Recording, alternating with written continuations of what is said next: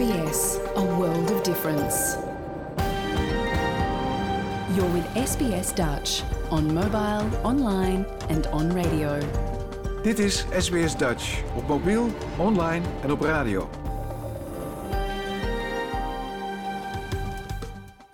Graag erkennen wij de traditionele eigenaren en verzorgers van het land, van waar we vandaag SBS Dutch uitzenden, en uiten we ons respect aan de Camaragal mensen van de Kurungay Nation en hun ouderlingen uit het heden en het verleden. Ook kennen we de traditionele eigenaren van alle Aboriginal en Torres Strait Islander landen, van waar u vandaag naar ons programma luistert.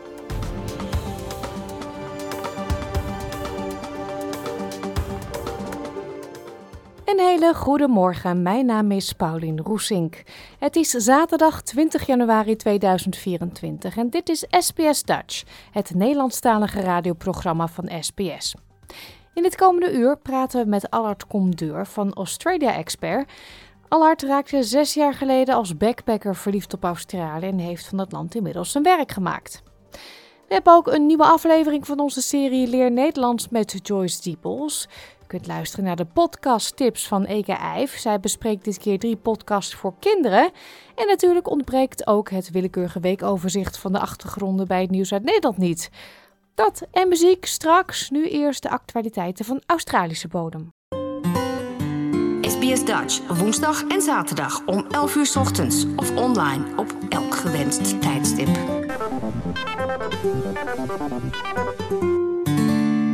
De aankondiging van El Niño afgelopen voorjaar leidde tot waarschuwingen voor een lange, hete en droge zomer met een hoog risico op bosbranden. The Bureau is today declaring that an El Nino event is underway in the Pacific Ocean. Those conditions are associated or accompanied by an increase in fire danger and extreme heat risk.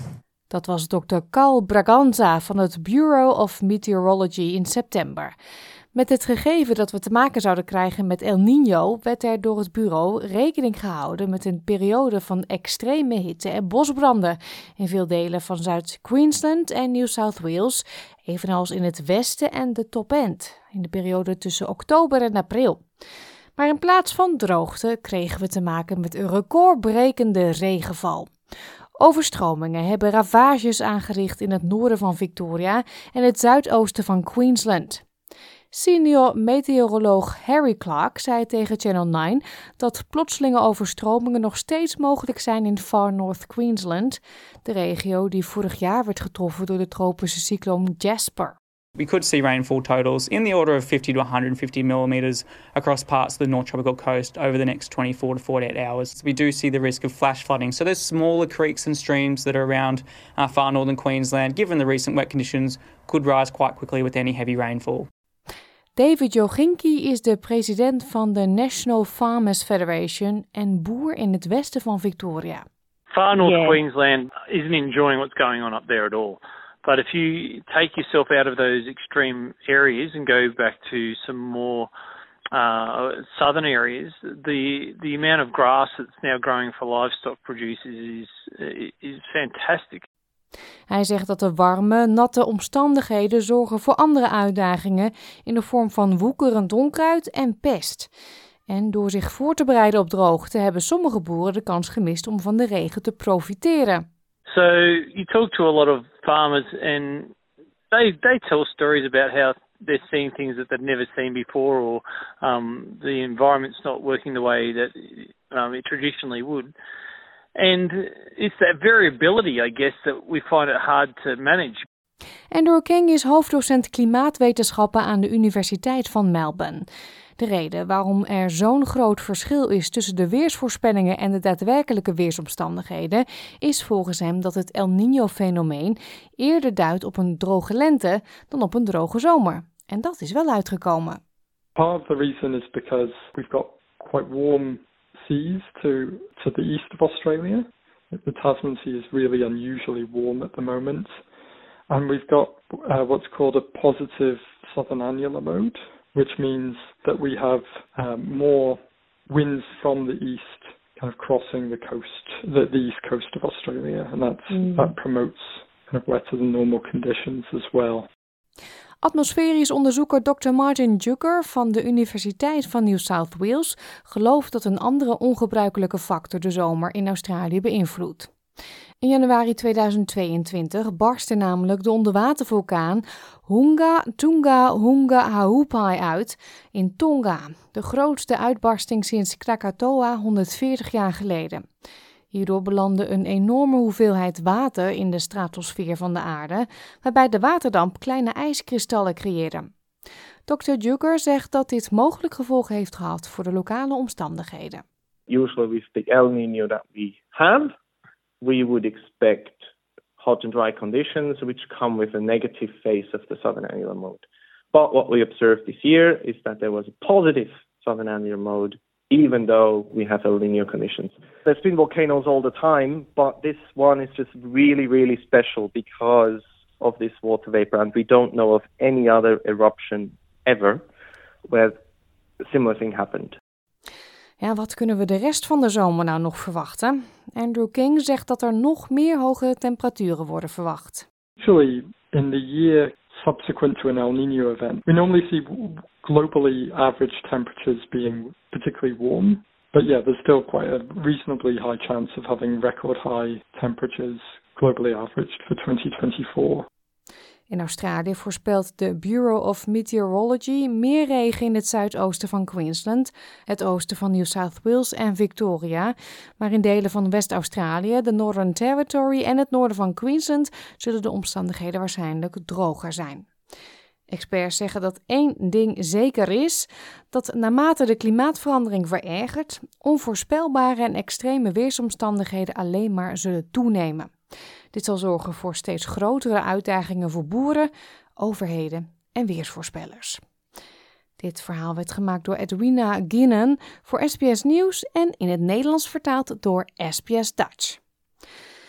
Ja, we blijven nog even bij het onderwerp weer. In december, rond de kerst, kwamen in Queensland zeven mensen om door noodweer en huizen en wegen raakten daar beschadigd.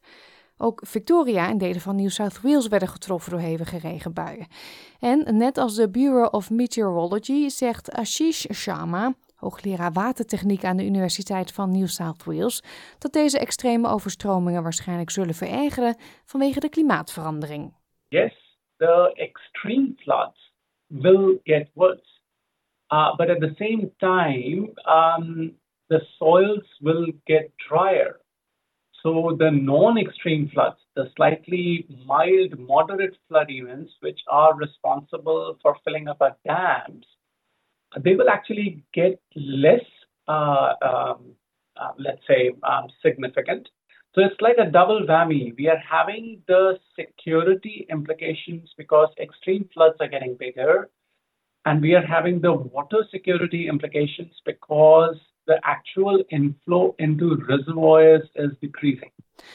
Het veranderende weer heeft geleid tot een toenemende oproep op een betere voorbereiding op rampen. William Prentice is directeur van de Floodplain Management Australia afdeling in Queensland. Flood planning is is the is the best defence uh, in that we don't put people in harm's way to start with. Once we have developed parts of the floodplain and established our communities within areas that might be uh, in the way of where floodwaters uh, could inundate our catchments, uh, then we have to look at other measures like structural mitigation, levees, dams, uh, or we need to look at response measures, disaster management, emergency services, that type of thing. So it's always a good principle to avoid putting people in harm's way, to make room for water, uh, and to ensure that our catchments are well managed for the future.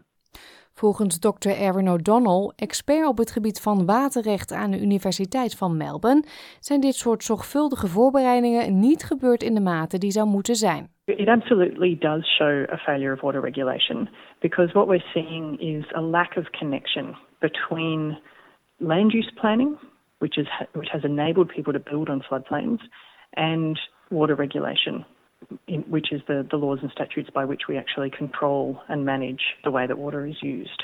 So we're not connecting the dots on these things. We're allowing, we continue to allow people to build in unsafe places and we're not telling people enough about their flood risks.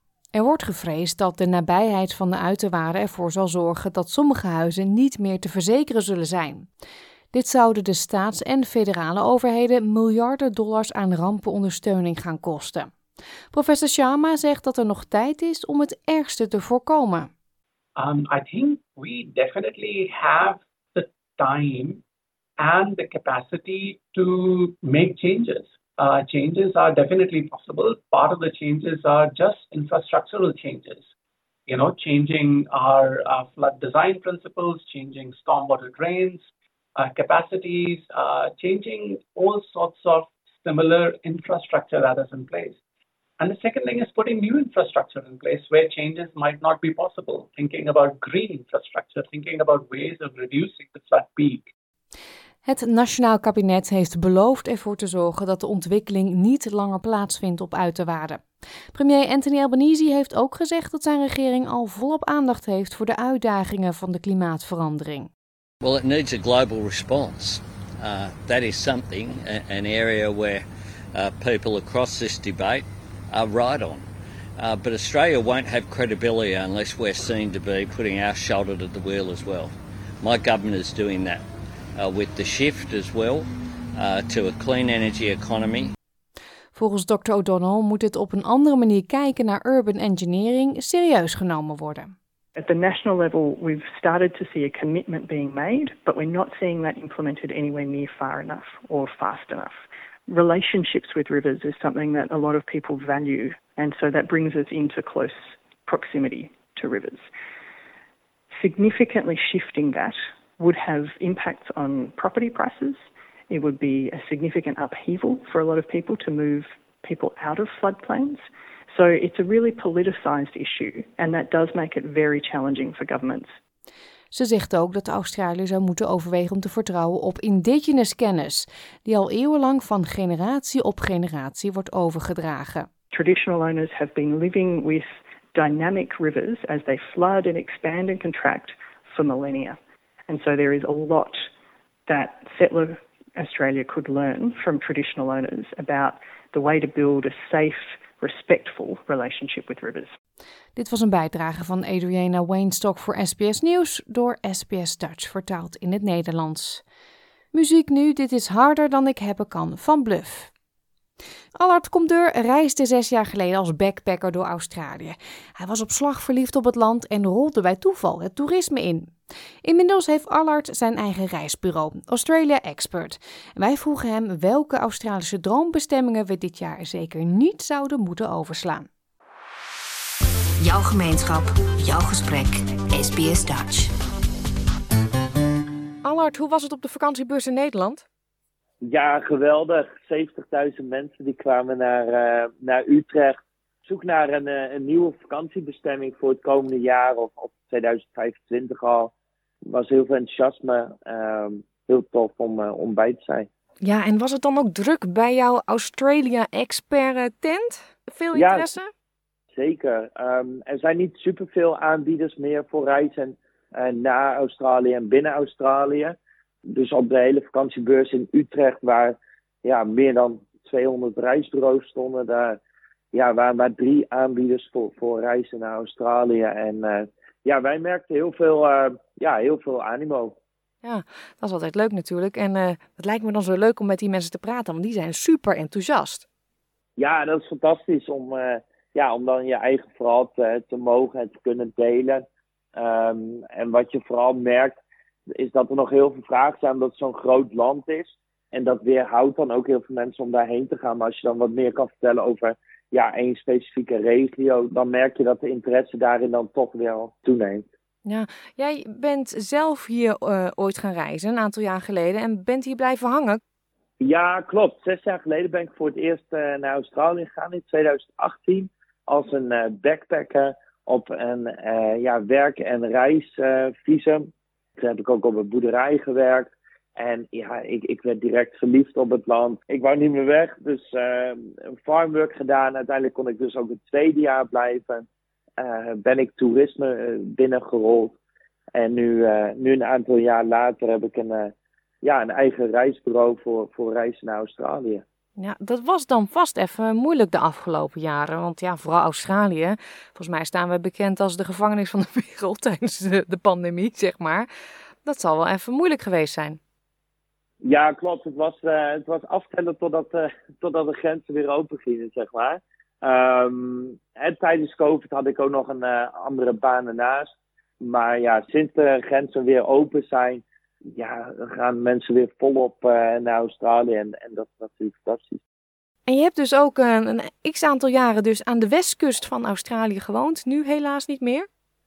Nee, klopt. Um, op een gegeven moment dan uh, ja, lopen de, de visums af. Uh, de gewone visums. En ja, er zijn wel mogelijkheden, maar ja, in tegenstelling tot 20, 30 jaar geleden, wat ik dan van verhalen hoor, ja, is het momenteel niet meer zo makkelijk om uh, te emigreren naar Australië. Dus afgelopen jaar ben ik wel weer op een toeristenvisum een aantal maanden in Australië geweest. En ik heb inderdaad um, tijdens COVID en vlak voor COVID in West-Australië, in Karata en Canonera gezeten. Prachtige natuur daar.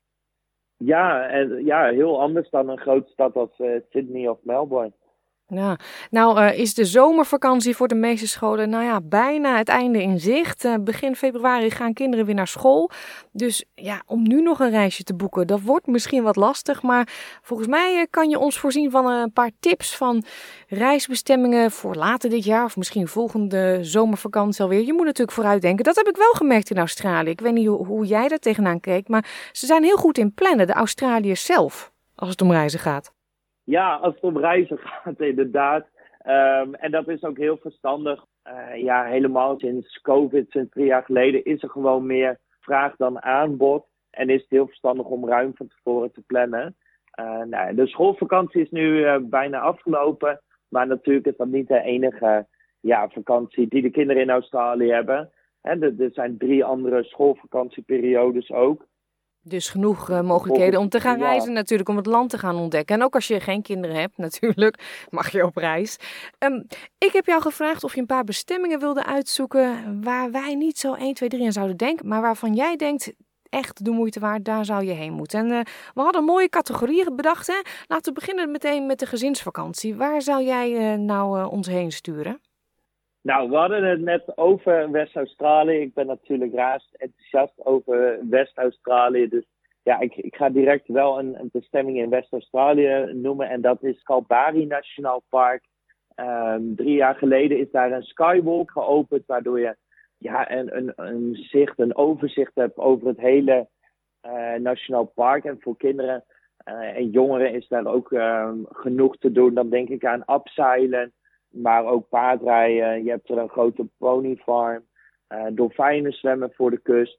En uh, met een beetje geluk zie je ook nog walvissen. Hè, dus het is een uh, aantal uurtjes rijden van Perth. Hoeveel aantal?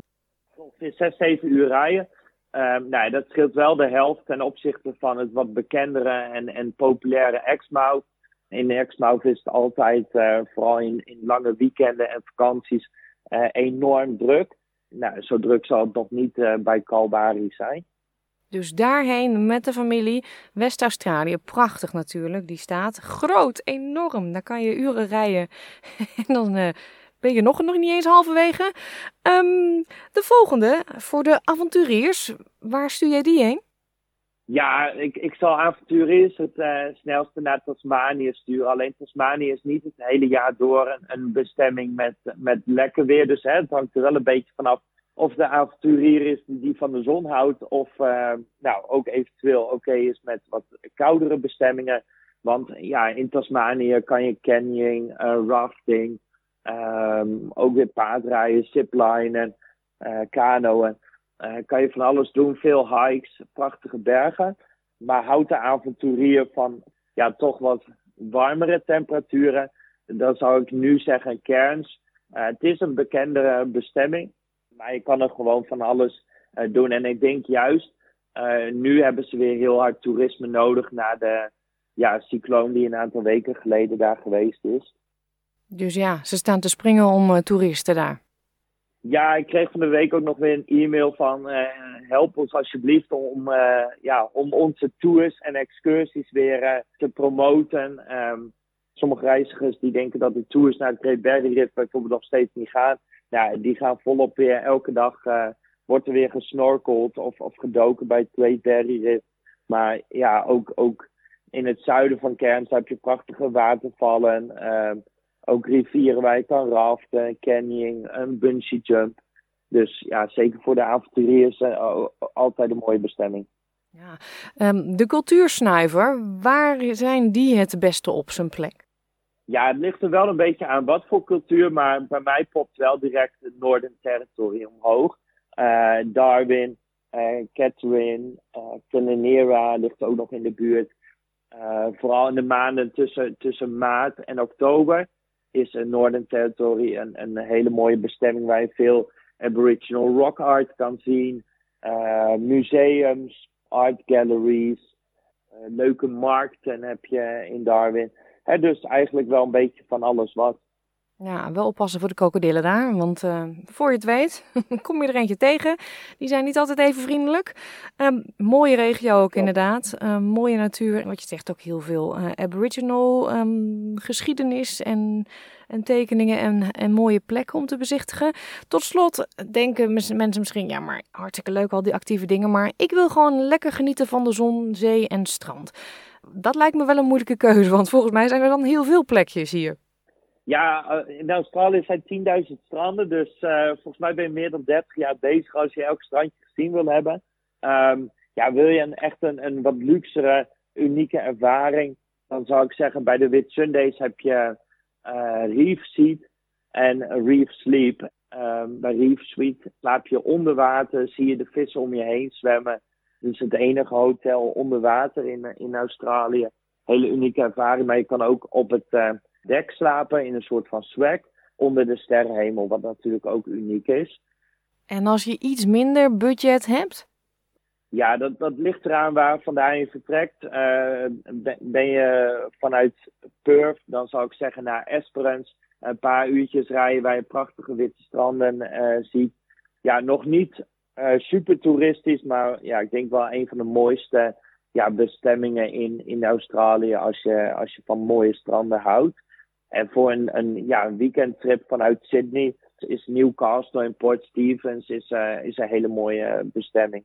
Ja. Op twee, drie uurtjes rijden. Ja, nou heb ik altijd het idee dat wij Nederlanders meer gezien hebben van het land dan de gemiddelde Australië. Uh, we zijn reislustiger en gaan meer op pad hier in het land. Um, is er nou nog één plek waar jij nog niet geweest bent, maar wel heel graag heen zou willen? Ja, ik denk dat er nog twee, twee plekken zijn. Um, ik ben wel in de Outback geweest bij de, bij de Uluru in Katachuta, maar niet de route van Adelaide daar naartoe. Ik ben daar naartoe gevlogen, maar de route echt door de Outback met Cuba Pedy. Uh, daar kan je onder de grond slapen met die opaalmijnen. Ja, dat, dat lijkt me nog heel fantastisch. En ook een roadtrip van Darwin naar Cairns trekt me nog heel erg uh, aan. Ik ben in Darwin en Cairns geweest, maar het gebied ertussen uh, ja, is nog niet door mij ontdekt. Nee, nou, op het wensenlijstje dan voor de volgende keer. Allard, kom door. Dankjewel voor deze tips. Ja, graag gedaan. Alle tips van Allard zijn terug te lezen op onze website www.sbs.com.au/dutch. Wat gebeurde er allemaal in Nederland de afgelopen week? Nou, u hoort dat nu in het willekeurige weekoverzicht van achtergronden bij het nieuws in Nederland, met dank aan de NOS.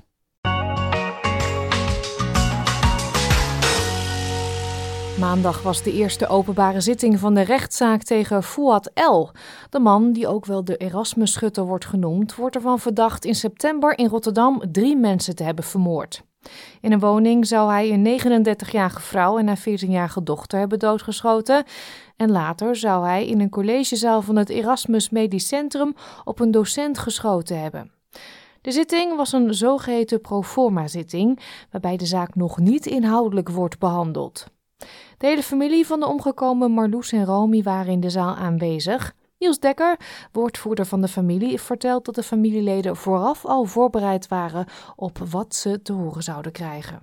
Er zijn in december in aanloop naar deze proforma-zittingen gesprekken geweest tussen de twee officieren van justitie met plukjes van de familie. En die hebben één op één gesprekken gehad daarbij, waarbij ze bepaalde details van het dossier, het onderzoek, te horen hebben gekregen heel erg heftig, heel erg hard. Uh, ook echt wel van slag geweest. Maar het bereidt ze wel voor op wat ook uiteindelijk tijdens een rechtszaak hier in de zaal besproken gaat worden. De politie heeft vijf verdachten aangehouden in Midwolde. De drie mannen en twee vrouwen zouden te maken hebben gehad met de vuurwerkexplosie in het dorp tijdens de nieuwjaarsnacht. De explosie werd opgenomen door moderne voordeurbel en dat klonk zo.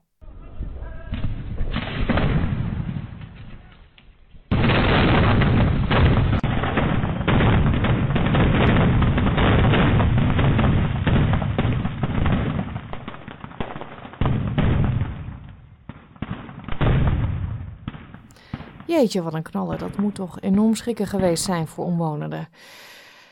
Derde landers dan zijn mensen die in Oekraïne een tijdelijke verblijfsvergunning hadden en naar Nederland vluchten vanwege de oorlog. Tot nu toe kregen derde landers dezelfde behandeling als andere Oekraïense burgers, maar vanaf maart moeten ze weg of asiel aanvragen. Zo heeft de Raad van State, de hoogste bestuursrechter, woensdag bepaald. De NOS sprak met de drie derde landers, twee uit Nigeria en één uit India, alle woonden ze al meer dan tien jaar in Oekraïne. I can't even put it in words actually, because I know a lot of friends and also my partner is affected by this and it's really bad. I wish the decision was considered for everyone because I also learned the Ukrainians are given one more year to 2025. I just feel that we all came out of Ukraine, we fled the war together with also the Ukrainian citizens. And I believe that if you are treating a group of people differently, why are you not treating the rest the same? The people who came here, they went through a lot of stress. Their mental situation, their condition is not good, and maybe they will not go back to Ukraine, or maybe they will go. There are lots of things which can come, and can, it can give a very harsh consequences uh, after the decisions on these people. Yeah. Uithalers, dat zijn meestal jonge jongens die in de haven voor veel geld gesmokkelde drugs uit een container halen. De 21-jarige Gotti werd via Snapchat, een populaire social media app onder jongeren, benaderd om zo'n klus in de haven van Antwerpen te doen. Hij zou daarvoor 40.000 euro krijgen, maar het ging mis. Ik heb mijn tas op het hek gezet, sprong eroverheen. Het was die andere jongens beurt. Hij klimt, ik weet niet waarom, maar hij wou door het hek heen gaan, prikkeldraad nog. Hè. Eindstand zat hij erin vast, zeker vijf minuten zo. En toen wist ik al foute boel. Eindstand binnen twee minuutjes of zo, zag je al sirenes. Toen gingen we in een container die open was. En het voelde niet veilig om daarin te gaan toch. Maar ik sprak met hem en hij ging hoofd, ik weet niet wat er met zijn hoofd werd, te safe of zo. Hij ging gewoon naar buiten en begon te rennen ergens. Die verstoppen politie had hem binnen no time. Ik sta op, ik hoor voetstappen. Ik denk nee, ik zit weer in mijn hoekje zo zeg maar. Nu, hij schijnt, ik kijk naar boven, hij schijnt naar rechts, hij schijnt naar links. Ik zeg, oh, op je buik. Maar het is een Belg, dus met een Belgische accent. Toen uh, ging ik op mijn buik. Toen wist ik al hoe laat het was. Cotti heeft uiteindelijk zes maanden vastgezeten in België en hoopt met zijn verhaal anderen te waarschuwen. Tot zover dit willekeurige weekoverzicht van deze week, met dank aan de NOS.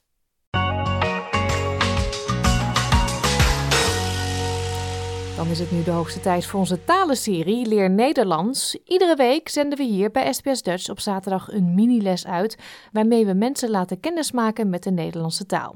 Joyce Diebels van Dutch with Joyce bespreekt vandaag de kleuren.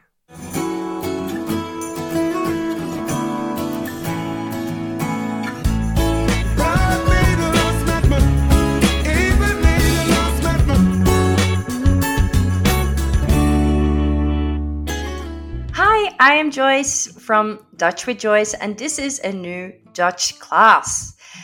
Today, we are going to learn about the colors in Dutch, the colors of the rainbow, and a few more.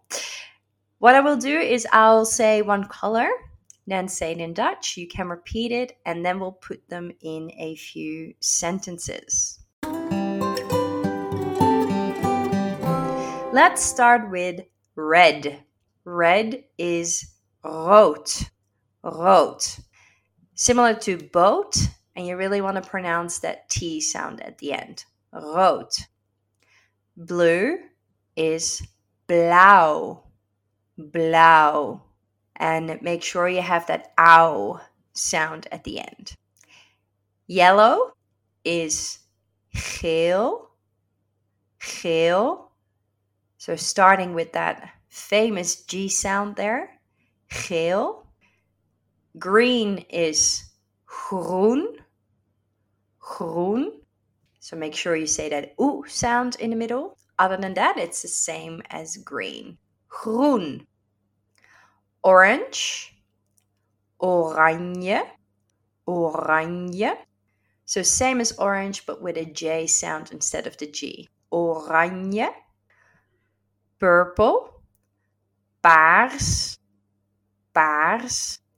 So it has that RS sound at the end, which can be tricky to pronounce. So you can emphasize the R or make a little gurgly sound to reproduce the R there. Paars. So the difference without the R is paas, paars. So you can hear a little R sound there, and it needs to be there uh, to make sure that you pronounce the color properly. Pink, rose, rose. So make sure you have that E sound there. Rose. Brown, bruin, bruin. So it has the ow sound in there, not the ow sound. Bruin, black, zwart, zwart. And last but not least, white. Wit, wit. Those are the 10 colors of today. Now, in lesson six, if you want to listen back, we talked about adjectives and adding an E there. So, in combination with a few nouns, we're now using these colors as an adjective. I'll say the sentence, and I want you to repeat it and maybe guess what it means to see if you've practiced the colors already. Let's start. De rode bal. De rode bal.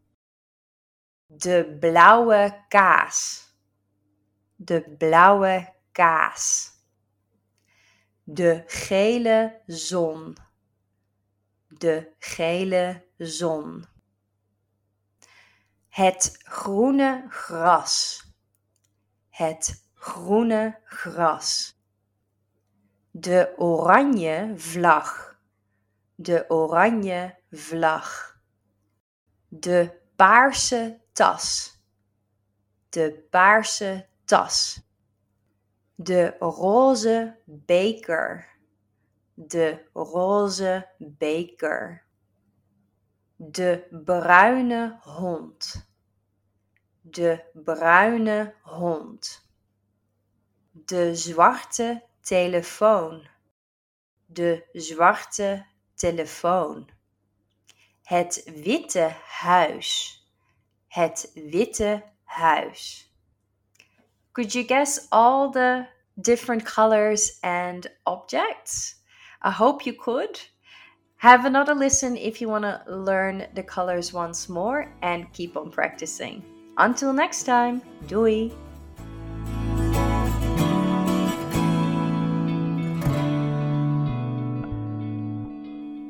Wist u dat er inmiddels al 27 minilessen Leer Nederlands beschikbaar zijn?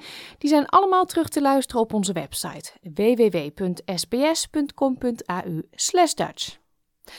Tijd voor een liedje. Dit zijn Suzanne Freek met Slapeloosheid. Het einde van de zomervakantie voor naar school gaande kinderen komt langzaam in zicht. Mochten ze zich nu na al die weken luieren vervelen, dan heeft onze podcastrecensent Eke Eif nu drie leuke luistertips voor hen. Onmisbare uitvindingen, Rocco, Sofia en de Zwarte Dood en Catapult. Ze zijn niet alleen leuk om naar te luisteren, maar ook nog eens goed voor het oefenen met de Nederlandse taal. SBS Dutch. Deel onze verhalen op Facebook. Hier heb ik nog twee kinderen thuis zitten, want de schoolvakanties zijn nog niet helemaal afgelopen. Um, ik vind het dan wel heel erg leuk dat jij kwam uh, met de suggestie om dit keer, deze maand, kinderpodcast te bespreken.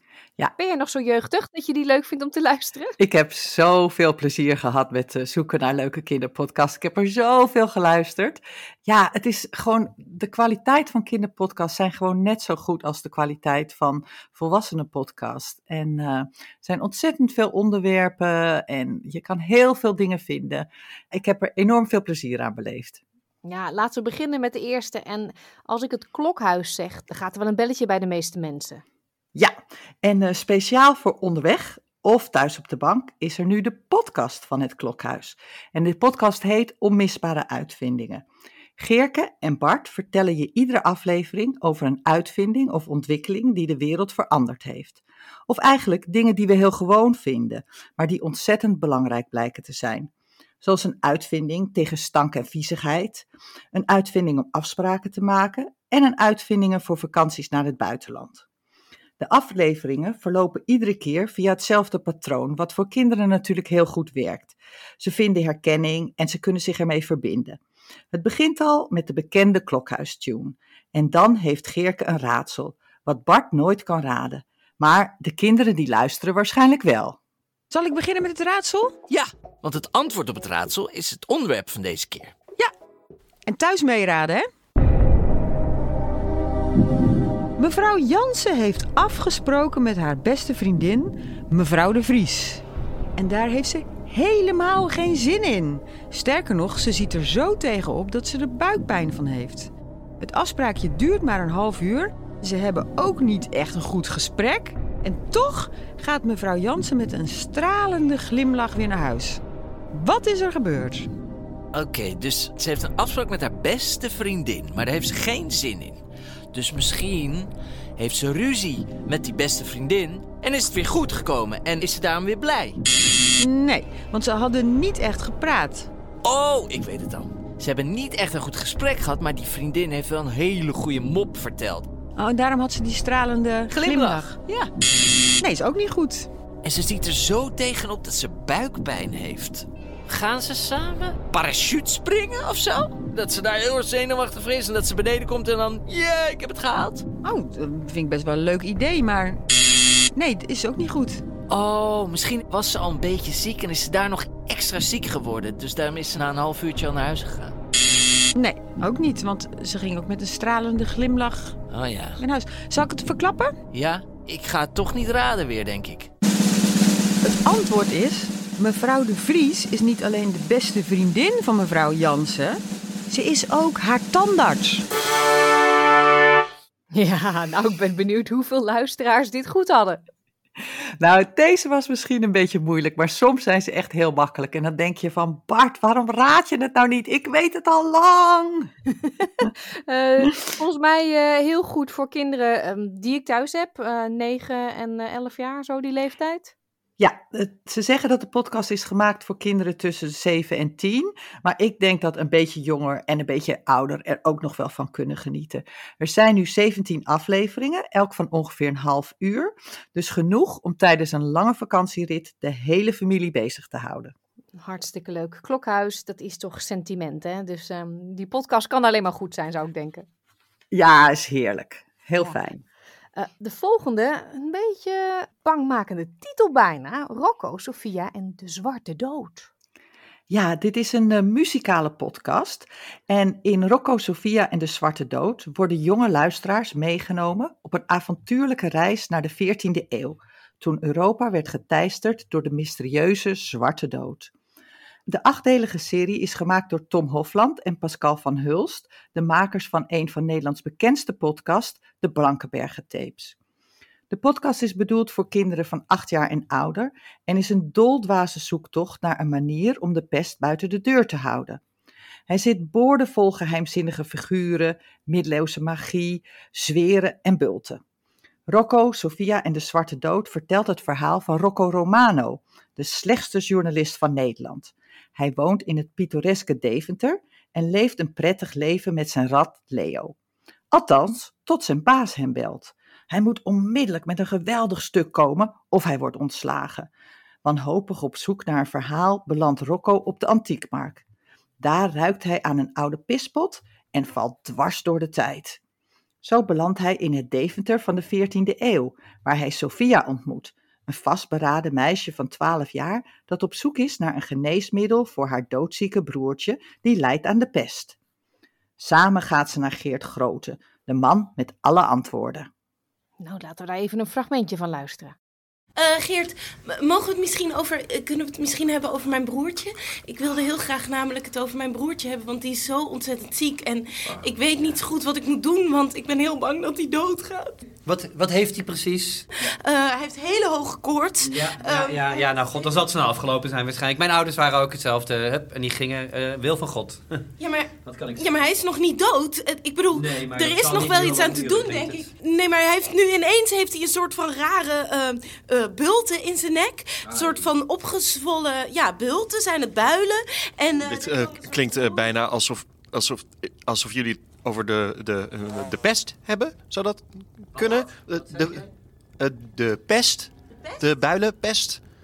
Ja, daar heb ik over geleerd op, op school. Mensen krijgen builen. Mensen gaan dood. Wil van God, je doet er niks aan. Het enige wat je kan doen, meisje, is eh, bidden en hopen. Bidden en hopen. Het kan toch iets anders dan bidden? Ik ben juist hier naartoe gekomen omdat mensen zeiden... Geert Grote gaat je kunnen helpen. Geert Grote heeft alle boeken gelezen die er zijn. Hij weet vast een oplossing. Dus daarom ben ik hier Eh, gekomen. Momenteel lees ik voornamelijk de Bijbel. Ik wil wel een stukje voorlezen aan, aan je broertje, als dat helpt. ik kan misschien zijn heen gaan wat makkelijker maken. Ik kan hem laatste sacrament toedienen. Ik hoopte dat u iets anders kon zeggen, want bidden helpt niet. Eh, meisje, ik heb één ding gemeen met God. Ik heb het heel erg druk. Oké? Oké. Nou, als ze hier geen stap verder komen, besluit Rocco mee te gaan op zoek naar een medicijn. Dan kan hij een goede daad verrichten en tegelijkertijd een geweldig verhaal maken. En zo begint een epische kweste op zoek naar een kuur. In een pikdonker bos bezoeken ze een heks. Ze lijden schipbreuk. Sophia's broertje wordt gekidnapt. En ze liften op een hooiwagen naar Utrecht om hulp te vragen aan de bisschop. Maar deze vrome dronkenlap heeft andere plannen met Rocco en Sophia. Nou, om te weten of het allemaal nog goed komt, moet je echt gaan luisteren naar dit bizarre avontuur. Het is spannend, je leert een heleboel dingen over de middeleeuwen en je hoeft echt niet alles te begrijpen om er toch helemaal in op te gaan. Er zijn leuke liedjes, mooie middeleeuwse muziek, fantastische geluidseffecten en lekker veel vieze woorden. Het onderwerp is misschien niet echt vrolijk, maar het verhaal is aantrekkelijk en het maakplezier knalt er vanaf. Nou, en ik hoor het ook in jouw stem. Je hebt genoten. Ik vond het heerlijk om te luisteren. Vooral al die lekkere vieze woorden. Volgens mij vinden Nou. kinderen dat ook heel erg leuk. Precies, dat valt altijd in de smaak. De laatste podcast, Catapult. Ja, Katapult is weer iets heel anders. Rocco was over de middeleeuwen en dit is een heel erg eigen tijdsverhaal. In de vijfdelige kinderpodcast Katapult ontmoet je beste vrienden Mike en Kiki. Ze dragen allebei een groot geheim bij zich. Mike over de dood en Kiki over de liefde. Maar wat heeft Kiki's Mexicaanse kat Zebra hiermee te maken?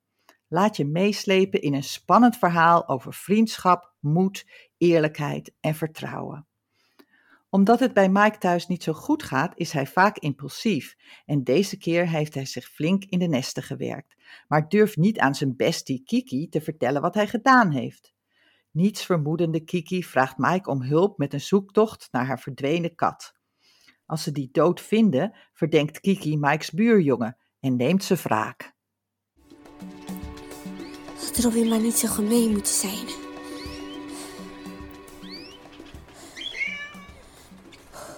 Moedig zijn. Eh, Kom, Nijntje. Oké, Nijntje. Voor je broertje. Eén vogeltje, Nijntje. Hé, stop! Nijntje! Nijntje! Eh, eh, eh, Nijntje!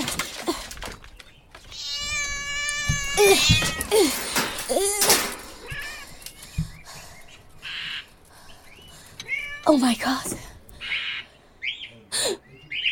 Shit.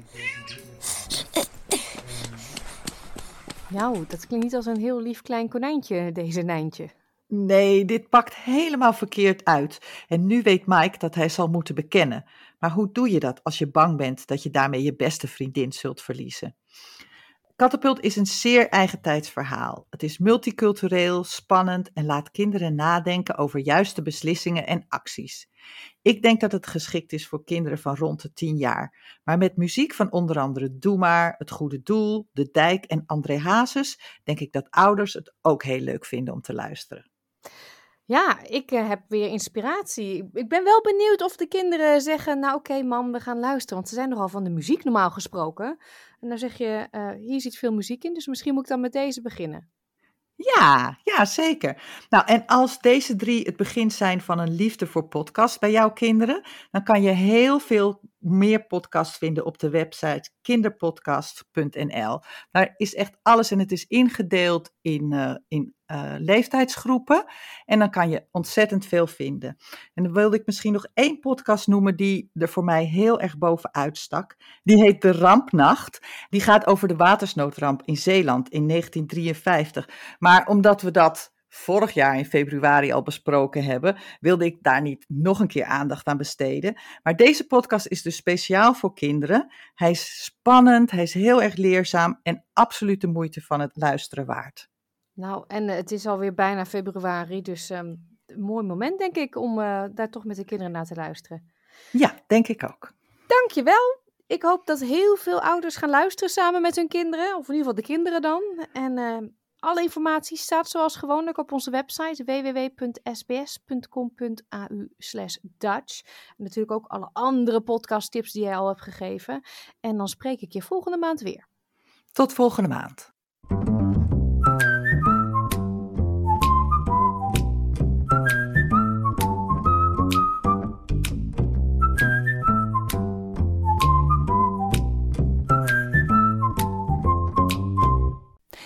Tot zover deze zaterdag-uitzending van SBS Dutch. Hopelijk heeft u met plezier geluisterd. Kunt u nou geen genoeg krijgen van ons programma? Ga dan naar onze website sbs.com.au Dutch.